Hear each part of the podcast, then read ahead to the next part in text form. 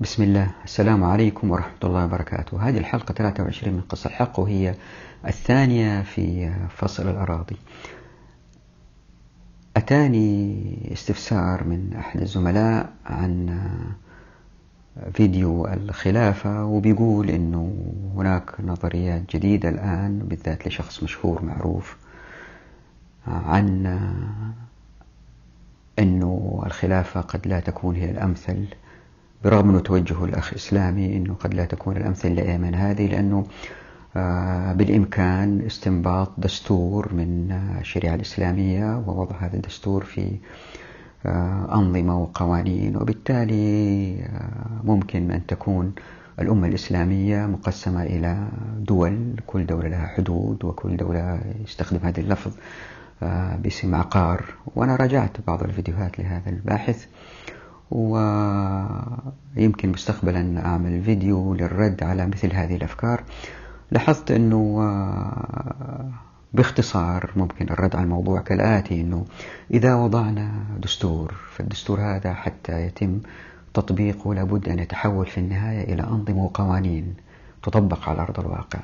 عندها أما هذه الأرض الأنظمة والقوانين أما أنها تبيح ما أباحته الشريعة ابتداء أو أنها تقيد ما أباحته الشريعة بالأنظمة والقوانين وهذا سيؤدي إلى تلوث بيئي زي ما وضحت لقصور العقل البشري في الفيديوهات السابقة التي تحدث فيها عن قصور العقل أو أنها تصطدم مباشرة مع الشريعة وعندها هي قد تحل أو تحرم آه، عكس ما تتبي الشريعة. يعني أما تتفق مع الشريعة في الإباحة أو أنها تصطدم أو أنها تقيد.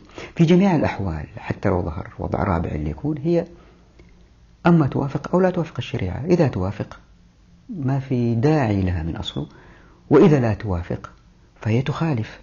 إذا هي ستسحب الكرة الأرضية إلى فساد وإذا ينظر إلى معظم هؤلاء الباحثين آه، يجد الخلل أو الإشكالية في تفكيرهم يتمحور حول في الغالب ما هو كلهم بس اللي سمعته بعضهم أنا ما مسحت كل الباحثين اللي لاحظته أنه هم ما هم متخصصين في علم الاقتصاد أو أنهم ما هم متخصصين في علم السياسة. أكثرهم متأثرين بالشريعة علماء شريعة ودخلوا في علم السياسة وبعضهم دخل في علم الاقتصاد. بس ما ألموا بالثلاث العلوم مع بعض.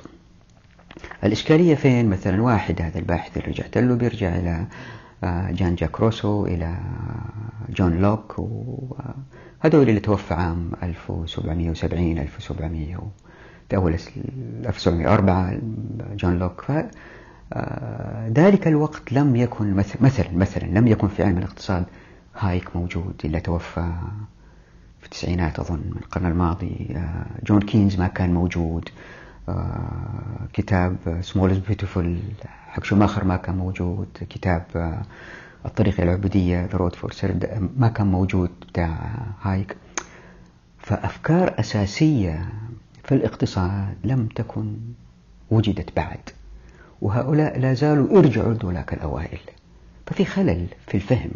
ليه؟ لأنه لما نفهم الاقتصاد كيف يشتغل وكيف طريقة توزيع الثروات تشتغل آه، نستنتج أنه في ميزان قوة بيتغير. الشعب لما يأخذ أموال أكثر مقابل السلطة أو السلطة أموال أكثر مقابل الشعب ميزان القوة السياسي بيختلف بين هذه الأطراف وبالتالي هذا يؤدي إما إلى ازدهار مع تلوث أو ازدهار مع قهر لطبقة أو أو أو. فما يمكن نرجع لهؤلاء المحدثين اللي هم ما ألموا بهذه العلوم. الحلقة هذه آه، ليست ضرورة لمن يتابع قص الحق في آه، راح أتكلم دقيقتين ثلاثة ويمكن اللي حب يوقف الفيديو بعد الدقيقة هذه اللي تظهر هنا. آه، لأنه هي أساسا توضيح بالرجوع إلى الفقه بالاستناد إلى أقوال الفقهاء إلى أنه أرض السواد هل هي أو هل يجب أن تقسم أو لا تقسم؟ يعني هل هي من حق الغانمين أو هي وقف لعموم المسلمين؟ وفي تفاصيل كثيرة يمكن ما تهم معظم الناس و لكن إذا أنت أخي ولا أختي المشاهدة المقتنعين أنه أراضي السواد كان يجب أن تقسم كما فعل الرسول صلى الله عليه وسلم وباتباع آية الغنائم ما في داعي تشوف الجزء الباقي. بعد الدقيقة اللي كتبتها هنا.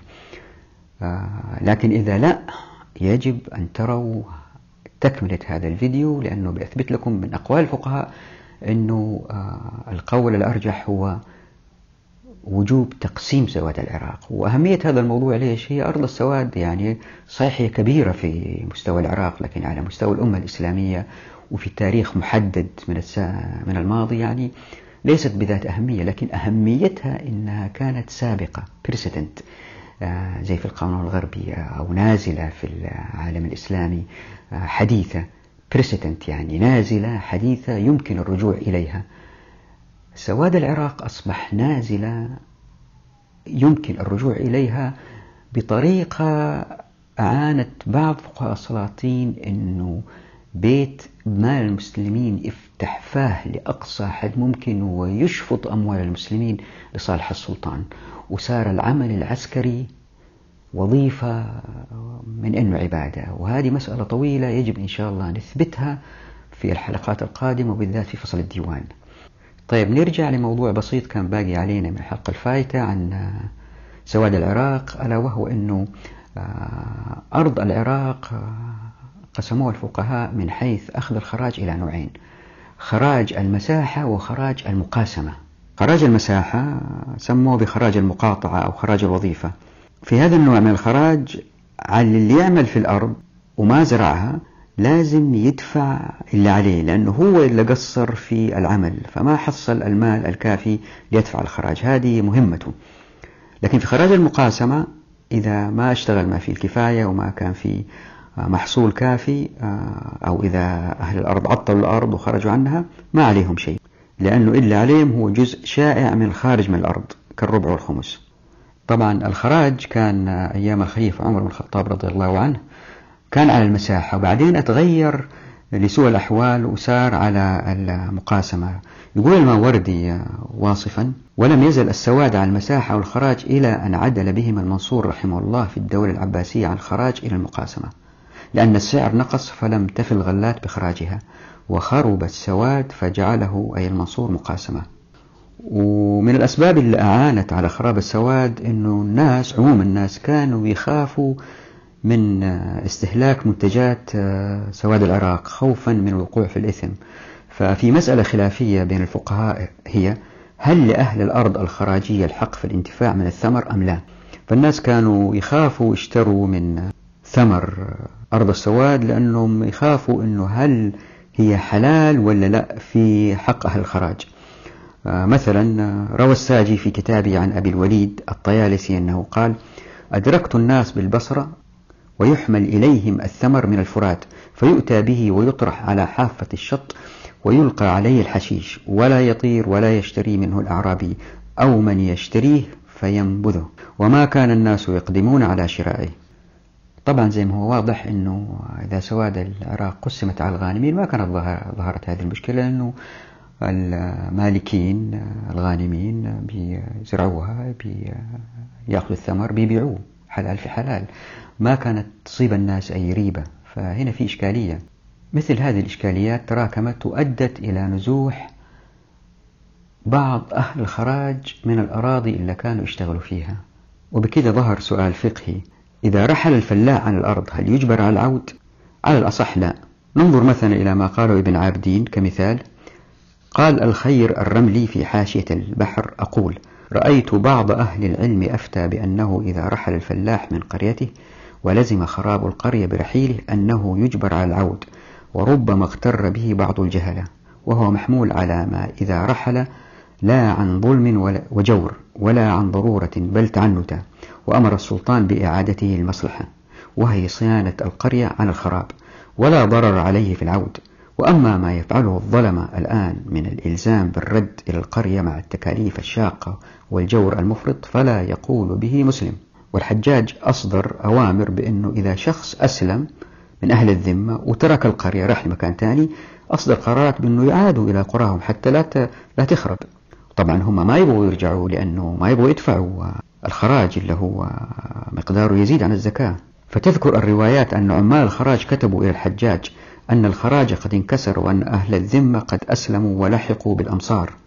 فكتب إلى أهل البصرة وغيرها أن من كان له أصل في قرية فليخرج إليها. والدكتورة غيدة لها بحث جيد في هذا الموضوع واستنتجت وقالت ويظهر أن هذا الإجراء لم يكن جديدا بل كان إجراء إداريا مألوفا يلجأ الولاء إليه كلما دعت الحاجة إلى ذلك. إذ سبق لعبيد الله بن زياد أن دعا كتابه إلى الاستعجال في تخريج الأسماء ربما لربط الناس بأصولهم لتسهيل عملية الضبط والمراقبة بعد انتشار ظاهرة الهجرة. وفي مصر أيضا حدث الشيء ذاته آه، زي ما تستنتج من أوراق البردي أنه اثنين من ولاة مصر كانوا يمنعون الهجرة من الأرض. فمن رسائل قرة بن شريك إلى والي مصر زمن وليد بن عبد الملك تظهر أوامر لأصحاب الكور واللي هي جمع كورة وهي المدينة أو الصقع مثل المحافظات في يمن هذه. تقول مستنتجة بتطبيق إجراءات الدولة الخاصة بمقاومة الجلاء عن الأرض وعدم إيواء الفلاحين المهاجرين وإعادتهم إلى كورهم التي جلوا عنها. واللي ساعد أيضا على خراب سواد العراق أنه لأن وضع الأرض بهذا الشكل طبيعي جدا. أي مستثمر يتردد جدا في الاستثمار في شراء أرض من سواد العراق. فبالتدريج مع الزمن فقدت قيمتها الاقتصادية كمصدر للثروة بس صارت هي فقط مصدر لحلب الأرض. طبعا هذا ضد مصلحة الأمة. مثلا قال أحمد في رواية حنبل لا تشترى الضياع بالسواد يؤدي الخراج هو من الصغار. وقال في رواية حرب في المسلم يشتري من أرض الخراج ويؤدي الخراج. قال مكروه. ومن الأسباب أيضا لعزوف المسلمين عن شراء الأرض هو أنها كانت تعتبر في بعض الأقوال وقف. وبالتالي يتردد بعض العاملين في الأرض من الكسب من هذه الأرض. قال أحمد في رواية الطالب لا يتمول الرجل من السواد فإن عمر رضي الله عنه أوقفه على المسلمين وإنما يجوز له قوته وقوت عياله. ومن هذا العرض السريع لبعض أقوال الفقهاء الواحد استنتج بوضوح أنه يعني أنه أرض سواد العراق إذا كان قسمت بين الغانمين وفي الغالب هؤلاء الغانمين ناس حريصين على مصلحة الأمة لأنهم خرجوا للجهاد ابتداء وسيحسنوا تربية أبنائهم وما إلى ذلك. بالتالي الأراضي في أيدي أمينة آه، تدفع الزكاة والزكاة المستمر هذا على مدى طويل هو خير للأمة والأرض آه، تغتني بمنتجات جديدة سكانها بيتمكنوا بيجيبوا ابتكارات جديدة معدات زراعية جديدة وما إلى ذلك. وليست للدولة والناس مترددين في شراء غلتها وما إلى ذلك. يعني انظروا الفرق بين بين التصرفين. واحد أدى إلى ملكية الدولة لهذه الأراضي واللي بالتدريج مع الزمن قل إنتاجها وأدت إلى بيروقراطيات.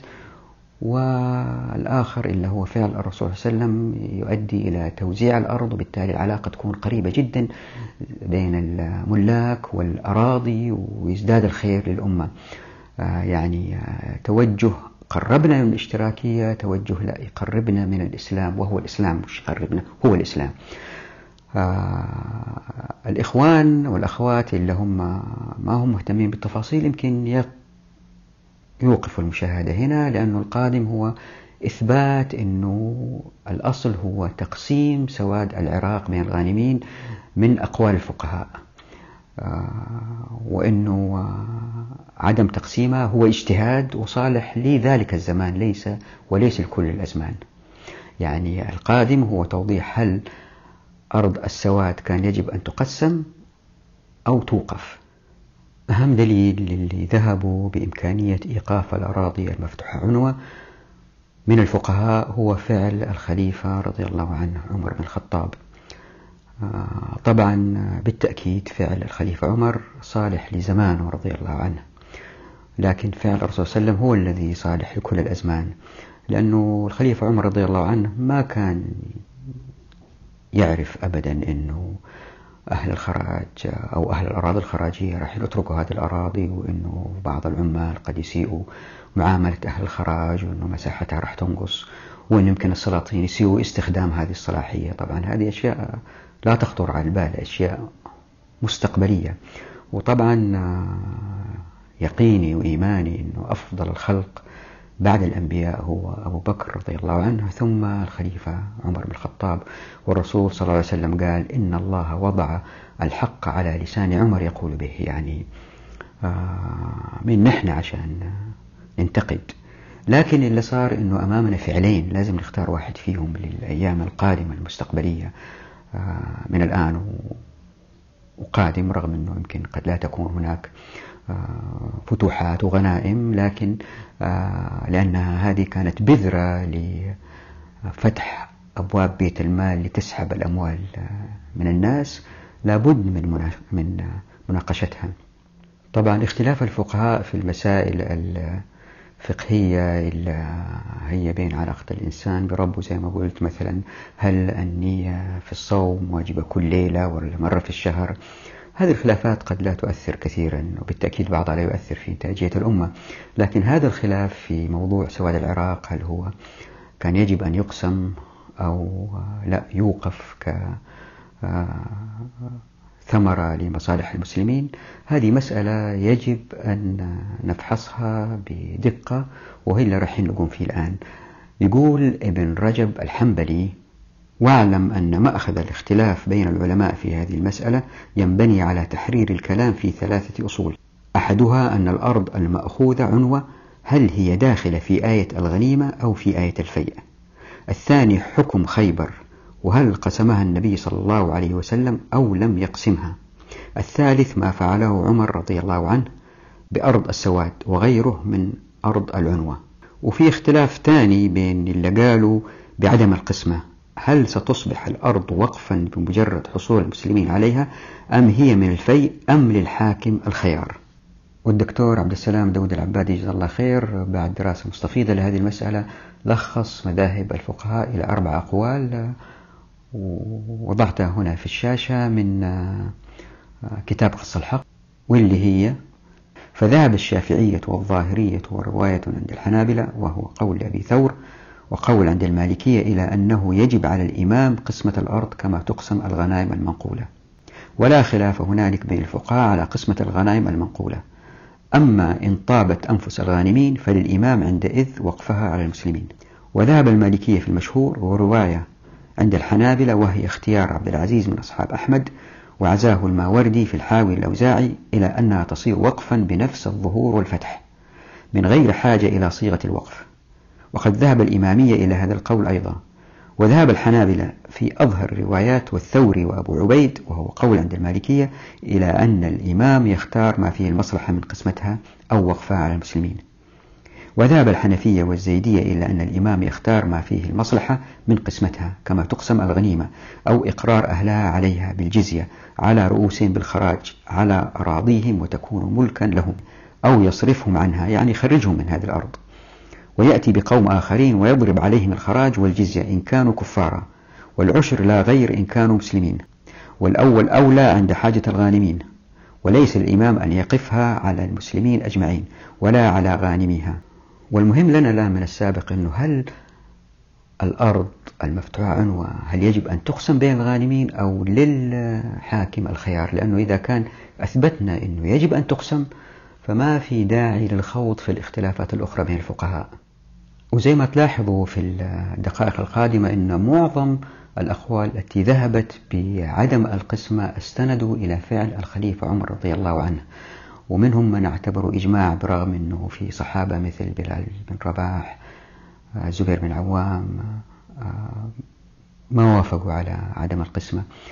ومن الفقهاء من جمعوا الآثار التي حدثت زمن الخليفة آه، عمر رضي الله عنه وبالتالي أدوا أو أعطوا السلطان الحق في الاختيار في القسمة أو لا.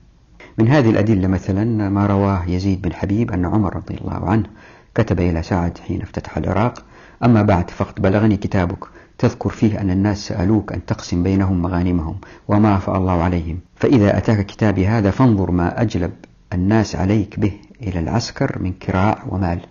فاقسمه بين من حضر من المسلمين واترك الأرضين والأنهار لعمالها ليكون ذلك في أعطيات المسلمين. فإنك إن قسمتها بين من حضر لم يكن لمن بعدهم شيء ومن هذه الأدلة ما رواه حبيب بن أبي ثابت أنه قال أن أصحاب الرسول صلى الله عليه وسلم وجماعة المسلمين أرادوا عمر بن الخطاب رضي الله عنه أن يقسم الشام كما قسم رسول الله صلى الله عليه وسلم خيبر وإنه كان أشد الناس عليه في ذلك الزبير بن العوام وبلال بن رباح. فقال عمر رضي الله عنه إذا أترك من بعدكم من المسلمين لا شيء لهم ثم قال اللهم اكفني بلالا وأصحابه. قال فرأى المسلمون أن الطاعون الذي أصابهم بعمواس كان من دعوة عمر. قال وتركهم عمر رضي الله عنه ذمة يؤدون الخراج للمسلمين. وزي ما أنتم شايفين إنه الأدلة هذه كثيرة جدا وضعت هنا على الشاشة أدلة أخرى. وزي ما أنتم شايفين كل هذه الأدلة بترجع لفعل الخليفة عمر رضي الله عنه. والسؤال المحير هو إذا كان راجعت كل النصوص. لاحظوا أنه آه، أنه في اختلاف بين الفقهاء في آه، أيهما أولى بالاتباع والفريق اللي يقول أنه الحاكم مخير في هذه المسألة بيستشهد بفعل الخليفة عمر رضي الله عنه. وهذا سؤال محير يعني كيف نستشهد بفعل على موضوع إحنا بنناقشه أصلا؟ والجملة اللي قالها أبو عبيد اللي ذكرتها في الفيديو السابق اشتهرت جدا بين الفقهاء أنه الرسول صلى الله عليه وسلم اتبع آية الغنائم وعمر بن الخطاب رضي الله عنه اتبع آية الفيء في سورة الحشر. لهذا لابد ننظر بنوع من التأني في الآيتين. والخليفة عمر رضي الله عنه رجع إلى آية الفيء في اتخاذ قراره. طبعا استشار الصحابة في هذه المسألة وأشار عليه عبد الرحمن بن عوف. بقسمة سواد العراق على الغانمين بينما عثمان بن عفان علي بن أبي طالب طلحة أشاروا عليه بعدم القسمة وجعلها وقف لنوائب المسلمين. آه، بعدين عمر بن الخطاب رضي الله عنه استشار خمسة من الخزرج وخمسة من الأوس وأشاروا عليه بعدم القسمة وقال الكلام الآتي اللي وضعت لكم هنا في الشاشة. قد سمعتم كلام هؤلاء القوم الذين زعموا أني أظلمهم حقوقهم وإني أعوذ بالله أن أركب ظلما. لئن كنت ظلمتهم شيئا هو لهم وأعطيته غيرهم لقد شقيت. ولكن رأيت أنه لم يبق شيء يفتح بعد أرض كسرى. وقد غنمنا الله أموالهم وأرضهم وعلوجهم. فقسمت ما غنموا من أموال بين أهلي. وأخرجت الخمس فوجهته على وجهه. وأنا في توجيهه. وقد رأيت أن أحبس الأرضين بعلوجها وأضع عليهم فيها الخراج وفي رقابهم الجزية يؤدونها فتكون فيئا للمسلمين المقاتلة والذرية. وزي ما أنتم شايفين في باقي النص آه، في إقناع من عمر رضي الله عنه للصحابة بضرورة وضع آه، سواد العراق في بيت المال في ذلك الوقت والناس اللي فيها يشتغلوا فيها ويؤخذ منهم آه، الخراج وكذلك الجزية. يعني أهم سبب لعدم قسمة سواد العراق هو توفير ما يلزم من مال لحماية الثغور والمدن حتى ينتشر الإسلام أكثر وأكثر. وحتى المسلمين ما يفقدوا المدن اللي افتتحوها. وأبو يوسف أورد في كتابه ما رواه الزهري أن عمر قال بعد أن استشار الصحابة إني وجدت حجة. قال الله تعالى في كتابه أعوذ بالله من الشيطان الرجيم. وما أفاء الله على رسوله منهم فما أوجفتم عليه من خيل ولا ركاب ولكن الله يسلط رسله على من يشاء والله على كل شيء قدير. حتى فرغ من شأن بني النضير فهذه عامة في القرى كلها. ثم قال أعوذ بالله من الشيطان الرجيم. ما أفاء الله على رسوله من أهل القرى فلله وللرسول ولذي القربى واليتامى والمساكين وابن السبيل كي لا يكون دولة بين الأغنياء منكم. ثم أكمل الآيات اللي بعد آية الفيء أعوذ بالله من الشيطان الرجيم. للفقراء المهاجرين الذين أخرجوا من ديارهم وأموالهم يبتغون فضلا من الله ورضوانا وينصرون الله ورسوله. أولئك هم الصادقون. ثم لم يرض حتى خلط بهم غيرهم.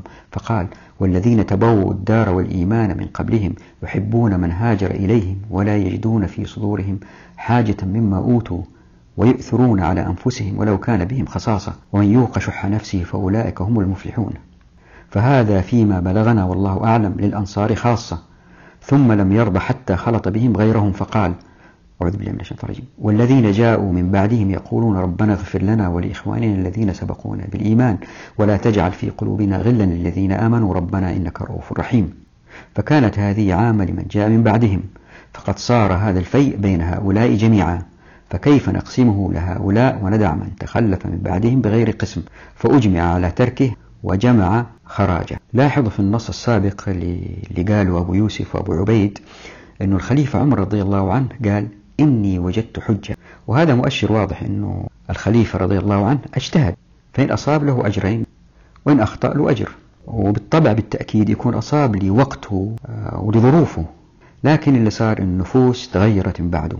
لتوضيح هذه المسألة خلينا ننظر لتفسير الآيات زي ما وضح الطبري والقرطبي للآية السادسة من سورة الحجر. أعوذ بالله من الشيطان الرجيم. وما أفاء الله على رسوله منهم فما أوجفتم عليه من خير ولا ركاب. هذه نزلت في أموال بني النضير. والإيجاف هو الإيضاع في السير وهو الإسراع ومعنى الآية زي ما لخصها العبادي وضعتها هنا في الشاشة أنه الرسول صلى الله عليه وسلم فتح أماكن بني النضير من غير قتال. يعني المسلمين ما تعبوا ولا حاربوا لكن الله سلط الرسول والصحابة عليهم. لذلك ما قسمت هذه الغنائم لأنه ما كان في قتال. فبيوضح العبادي جزاه الله خير بيقول فتمام الكلام وما أفاء الله على رسوله منهم لا حق لكم فيه ولا حجة لكم عليه وقد حذف اختصارا لدلالة السياق عليه. ثم بعد أن قررت الآية السادسة هذه في سورة الحشر أنه آه هذه الأراضي آه ما تعبوا فيها المسلمين لذلك يجب آه ألا تقسم كغنائم بينهم. جاءت الآية السابعة وهي قوله سبحانه وتعالى أعوذ بالله من الشيطان الرجيم ما أفاء الله على رسوله من أهل القرى فلله وللرسول ولذي القربى. الآية لتقرر أن الفيء لله وللرسول ولذي القربى واليتامى المساكين وابن السبيل من المهاجرين والأنصار الحاضرين والذين يجيئون من بعدهم. طبعا هذا التأويل يتعارض مع آية الأنفال يعني مع قوله تعالى واعلموا أن ما غنمتم من شيء فأن لله خمسه وللرسول. طبعا زي ما معروف أنه آية الأنفال ما هي منسوخة. طيب كيف المخرج للي قالوا بعدم القسمة؟ الإجابة هي حتى لا تتعارض الآيتان ذهب الفقهاء الذين قالوا بعدم القسمة إلى فصل الآية السادسة وهي قوله تعالى وما أفاء الله على رسوله منهم فما أوجفتم عليه من خير ولا ركاب فصلوها عن الآيات التي تليها في الأحكام يعني عن الآية السابعة وما بعدها. أي أن الآية السابعة وما بعدها ليست تفصيلية للآية السادسة بل تضع حكما مختلفا يعني اللي ذهبوا إلى عدم قسمة الأراضي المفتوحة عنوة قالوا بأن حكم الآية السابعة مختلف عن حكم الآية السادسة ولهذا يحتج بالآية السابعة فقالوا بالإستنتاج الآتي وهذا الحكم مخالف لحكم الآية الأولى أي الآية السادسة واختلاف الحكم يقتضي أن الفيء الذي تحدثت عنه الآية الأولى يغاير الفيء الذي تحدثت عنه الآيات التالية ولما كانت الآية الأولى قد بينت أن الفيء هو ما لم يوجف عليه بخيل ولا ركاب. يكون الفيء في الآية التالية هو ما أوجف عليه بخيل وركاب وهو الغنيمة. فالآيات الكريمة هنا تقرر أن حكم الغنيمة وجود انتفاع المهاجرين والأنصار ومن يأتي بعدهم بها. ولا يكون هذا الانتفاع إلا بوقفها على جماعة المسلمين وفرض الخراج الدائم عليها ذلك أنه به يكون الانتفاع الدائم. وهذا الاستنتاج مهم لمن قال بعدم القسمة. أي أن هذا هو أهم دليل نصي لديهم سواء كان من القرآن أو من السنة على عدم القسمة. وواضح هنا يعني أنه هذا الدليل ما هو نص مباشر هذا تأويل استنتاجي وهذا اللي راح أثبته إن شاء الله. يعني ناتج من العقل إلا بالضرورة راح يكون قاصر إن جابه النص. يعني هذا الاستنتاج بالضرورة سيتجابه مع النص لأنه من إنتاج عقل بشري قاصر. ولأنه هذا الاستنتاج السابق يتعارض مع آية الغنيمة في سورة الأنفال يعني في قوله تعالى واعلموا أن ما غنمتم من شيء فأن لله خمسه وللرسول الآية كان لابد من الجمع بين الفعلين. واللي صار أنه بعض الفقهاء خصصوا وجوب القسمة بالأرض في آية الحشر وخصصوا آية الفيء بالأموال المنقولة. لكن هذا التخصيص يمكن الرد عليه كما ذكر العبادي بأن قال بأنه قائم على أن المراد بالفيء الغنيمة وهو مخالف المشهور من أن الفيء غير الغنيمة فالفيء ما لم يوجف عليه بخيل ولا ركاب فهو ما يؤخذ من أهل الحرب بغير قتال والغنيمة ما أوجف عليه بخيل وركاب فهو ما أخذ من أهل الحرب بقتال. وأذكر مرة ثانية لاحظوا أنه دليل من قالوا بعدم القسمة من فصل الآيتين في الأحكام مرجعها فعل عمر رضي الله عنه. هنا تأتي أهمية مقولة عمر رضي الله عنه التي ذكرها أبو يوسف إني وجدت حجة. يعني ما في دليل واضح هناك غير فعل الخليفة عمر رضي الله عنه. لاحظوا أن هذا التأويل اللي فصل الآيتين سحب الفقهاء لخلاف آخر لعدم اتفاقهم على فصل الآيتين في الأحكام. وهذا وقع لأن الآية السابعة أعوذ بالله من الشيطان الرجيم ما أفاء الله على رسوله من أهل القرى لم توضح هل الفيء أتى بقتال أو بغير قتال. فظهر الخلاف بين الفقهاء كما وضح الطبري وابن العربي في النص الموجود على الشاشة. فذهبت طائفة ومنهم قتادة إلى أنها ملحق بآية الأنفال أي الغنيمة وأن آية الأنفال قد نسختها ويعتبرون أن قوله تعالى ما أفاء الله على رسوله من أهل القرى هو كلام مبتدأ يتحدث عما أفاء الله على رسوله من أهل القرى بقتال. بينما الآية التي قبلها تتحدث عما أفاء الله على رسوله من أهل القرى بغير قتال. وقد رد ابن جرير هذا القول في تفسيره وعقب ابن كثير على قول قتادة بقوله وهذا الذي قاله بعيد لأن هذه الآية نزلت بعد وقعة بدر وتلك نزلت في بني النضير بعد بدر وهذا أمر لا يشك فيه ولا يرتاب. وذهبت طائفة ثانية إلى أن الآية السابعة ملحقة بآية الأنفال. إلا أنها محكمة وليست منسوخة بل هي مخصصة لآية الأنفال مفسرة لها ومبينة أن المراد بها ما عدا الأرض من المنقولات. وبالتالي فالاستنتاج هو أن الأراضي لا تقسم. وطائفة ثالثة ذهبت إلى أنه وهي الأرجح زي ما نشوف إن شاء الله إلى أنها ملحقة بالآية الأولى أي الآية السادسة. ولذلك فهي مال الفيء والصلح وبالتالي لا يقصد بها الغنائم.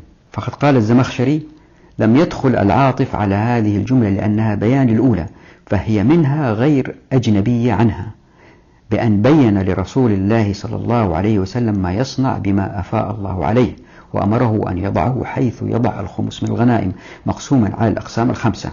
وابن رشد في بداية المجتهد قال وينبغي أن تعلم أن من قال أن آية الفيء وآية الغنيمة محمولان على الخيار وأن آية الفيء ناسخة لآية الغنيمة أو مخصصة لها أنه قول ضعيف جدا إلا أن يكون اسم الفيء والغنيمة يدلان على معنى واحد.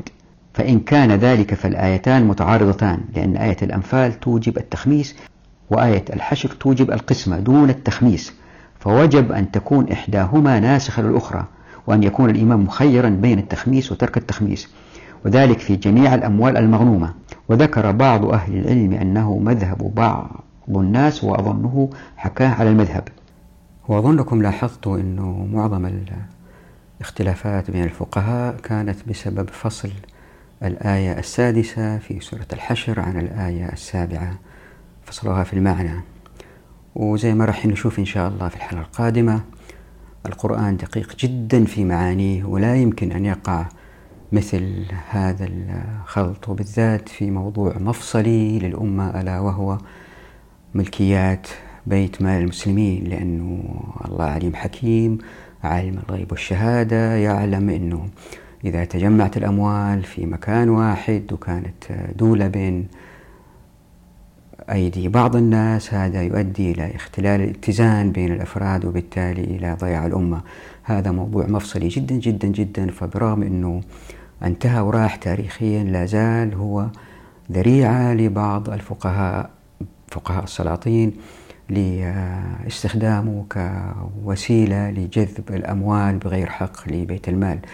لذلك آه، هذا الموضوع كان نوعا ما مزعج لي أنا وأخذت فيه أكثر من سنتين بعمل متواصل. أقرأ آه، أفكر أعيد أنظر لعلي آه، أصل إلى نتيجة مغايرة لكن هذه النتيجة اللي وصلت لها واللي هي إن شاء الله راح أشرحها في الفيديو القادم لأهمية هذا الموضوع لتروا إن شاء الله بإذن الله إنه هو الأصل التقسيم لأنه في هذا تحفيز للأمة في شتى المجالات وبالذات تسكير الأبواب التي تأتي بالأراضي لبيت مال المسلمين.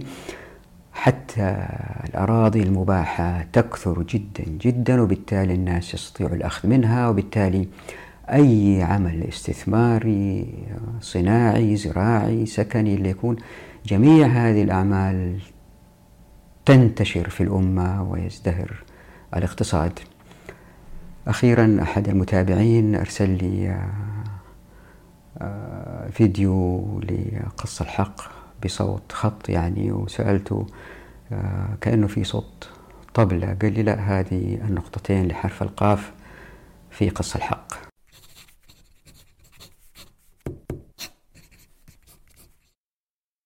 أراكم على خير في الحلقة القادمة وفي أمان الله.